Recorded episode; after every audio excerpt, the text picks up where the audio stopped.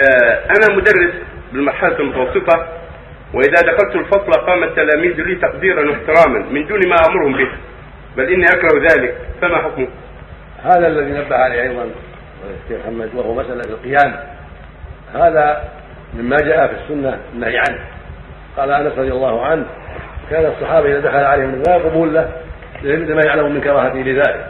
وكان يقول من أحب يتمثل الرجال قياما فليتبوأ مقعده من النار. فالواجب على الطلبة إذا دخل الأستاذ الا يقوم. يلزموا أماكنهم ويسلموا عليه يسبحونه بالخير ويسلمونه بالخير. طيب. أما أنهم يقومون له وقوفا فلا ما ينبغي هذا. أقل احواله كراهه شديده وهو لا لا يحب ذلك ما يجوز أن يحب ذلك. وهذا السائل ما دام لا يحب ذلك فهو على خير. النبي عليه الصلاة والسلام من أحب يتمثل له رجال قيامه فإنه مقعده من النار. من سره. الحاصل انه إذا كان لا يحب ذلك لا حرج عليه لكن يلزمه ان يعظهم وأن يقول لهم لا تفعلوا. وإذا عرفوا من الصدق وأن لا يرضى بذلك جلسوا.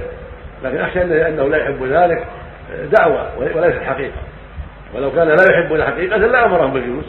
ويقال لهم لا تقوموا الحاصل أن هذا الشيء على الأستاذ أن ينبههم وأن يقول لهم لا تفعلوا لا تقوموا ولا يرضى عنهم. لا أرضى عنكم أن تفعلوا هذا. فإذا رأوا من الصدق ما هم حريصين على القيام لكن خوفا من شره وهنا يرسبهم في الدخول وهنا يفعل بهم أشياء تضرهم.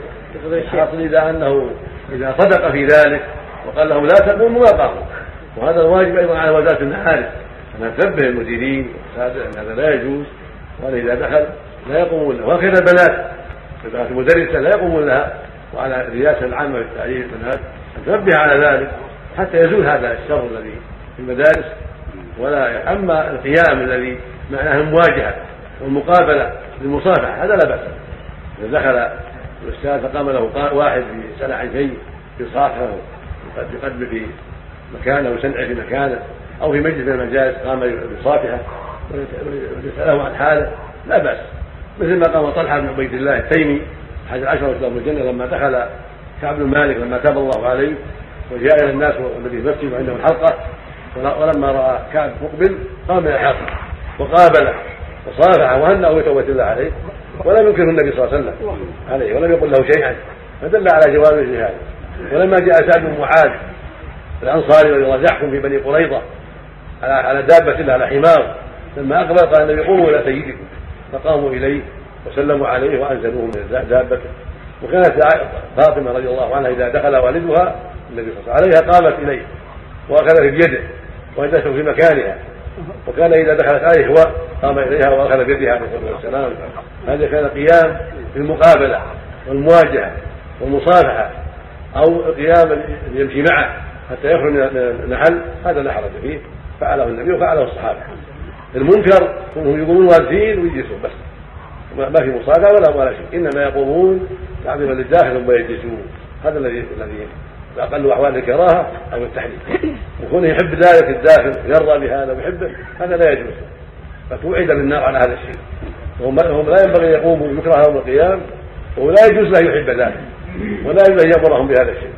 والواجب عليه أن ينهاهم عن هذا الشيء حتى يجلسوا وحتى يعتادوا هذا الشيء وهو الجلوس في أماكنهم حتى يأخذ مكانه ويبدأ في الدرس سواء كانوا ذكورا أو إناثا. نعم. ذكر فضيلة. نعم. بعض المدرسين يقول ان التنبيه مثل الطلاب تنبيه. إيش؟ يعني تنبيه من مثلا تلقى كسلان كذا يعني يقوم لا لا هذه شبهه شيطانيه يتنبهوا بدخوله إذا قال السلام عليكم تنبهوا ولو قال واحد ينعس يقول يا فلان صاحي انتبه. انتبه للدرس لا بأس. يتكلم عليهم وينصحهم ويحذرهم من النعاس. نعم. ذكر فضيلة المحاضر أن القيامة قد يفضي إلى الشرك. وهناك بعض المسؤولين إذا لم يقم له الإنسان فقد يغضب عليه ويعاقبه. فماذا يعمل معه؟ ما بين لكم مضى كلامي هذا وان لا يجوز هذا القيام والذي لا يرضى ينبه. قال لها هذا لا يجوز لولا ان لولا أنه الرسول كره ذلك لفعلنا وأنت الحمد لله تبع الرسول. أنت لا تحب الشيء اللي يحبه الرسول صلى الله عليه وسلم.